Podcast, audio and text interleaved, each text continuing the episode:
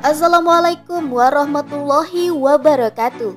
Halo, jumpa lagi bersama saya Anita Yulianti. Kali ini di rubrik story yang berjudul Hilangnya Kehormatan dalam Balutan Hijab oleh Dila Reta.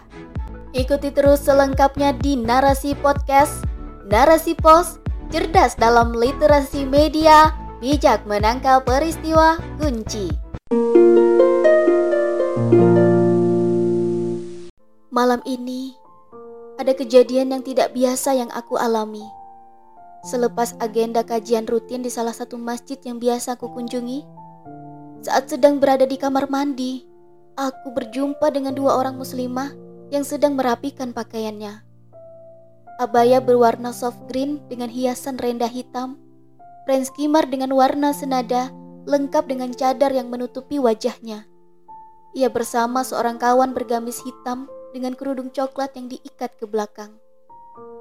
Awalnya memang tidak ada yang aneh dari keduanya. Tapi saat mereka sedang memulai obrolan, obrolannya membuatku terkejut.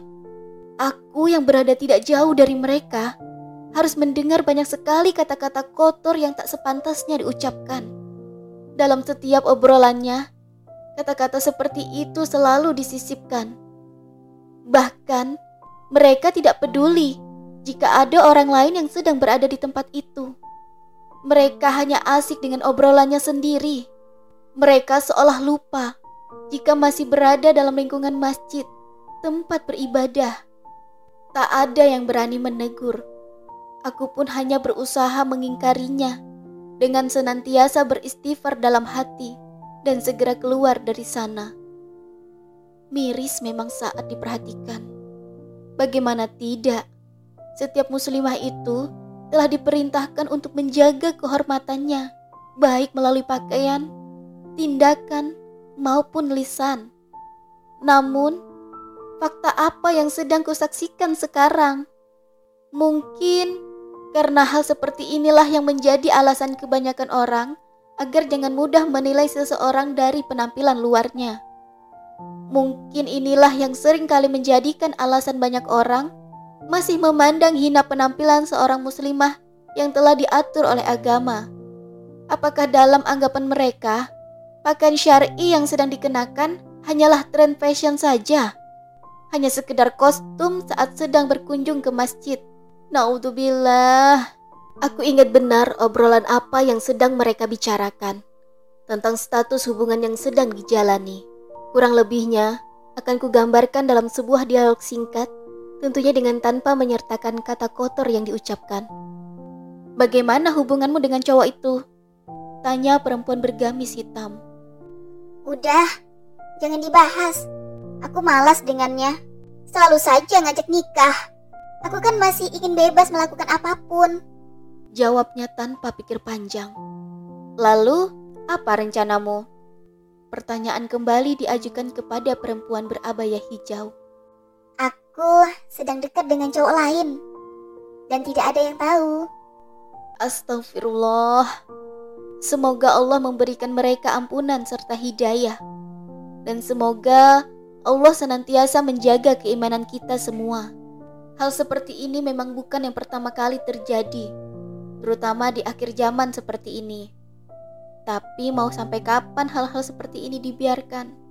Di luar sana, tentu masih banyak pelanggaran-pelanggaran lain yang dilakukan oleh setiap orang. Masih banyak muslimah yang tidak bisa menghargai dirinya sendiri, tidak bisa mencerminkan kehormatan sebagai seorang yang dimuliakan dengan pakaian yang dikenakan. Masih banyak yang berdalih mencari pembenaran terhadap setiap kesalahan yang dilakukan. Santai aja, Allah Maha Pengampun kok. Gak usah sok suci deh. Kita cuma beda cara berbuat dosa. Urus saja urusanmu sendiri. Gak usah ngurusin orang lain. Cuma perkara gini doang.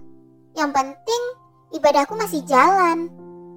Saya yakin kebanyakan dari kita juga sering mendengar pembelaan-pembelaan seperti itu, bukan? Selama ini, saya selalu mengingat-ingat sebuah ungkapan. Wanita itu memang dimuliakan, tapi dalam sisi berlainan, mereka adalah fitnah terbesar. Memang benar, aturan Islam datang untuk memuliakan kaum perempuan. Tapi tanpa bekal keilmuan dan ketakwaan, kita tidak mungkin bisa menjaga kehormatan yang telah diberikan. Kita tidak bisa mengendalikan hawa nafsu agar jangan sampai mengikuti langkah-langkah setan.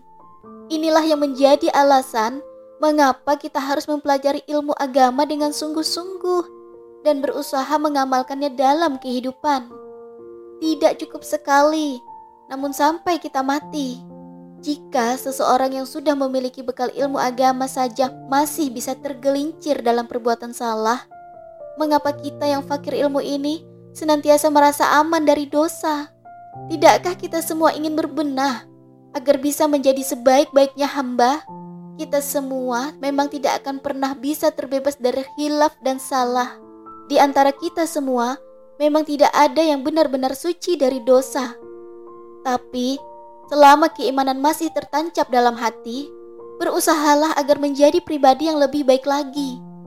Islam telah memberikan kemuliaan untuk kaum perempuan. Maka, jangan sampai menghinakan diri sendiri dengan melakukan tindakan-tindakan yang menyimpang. Mari sama-sama berusaha menjadi seorang muslimah sejati yang memiliki marwah dengan senantiasa menjaga izah dan ifah. Jagalah kehormatan hijab yang kita kenakan. Sebagaimana hijab itu telah menutupi aurat untuk memuliakan kita agar tidak dipandang orang sembarangan. Rasulullah Shallallahu Alaihi Wasallam bersabda, "Setiap anak Adam adalah bersalah, dan sebaik-baiknya orang yang melakukan kesalahan adalah mereka yang mau bertobat." Hadis riwayat At-Tirmidzi. Wallahu alam bisawab.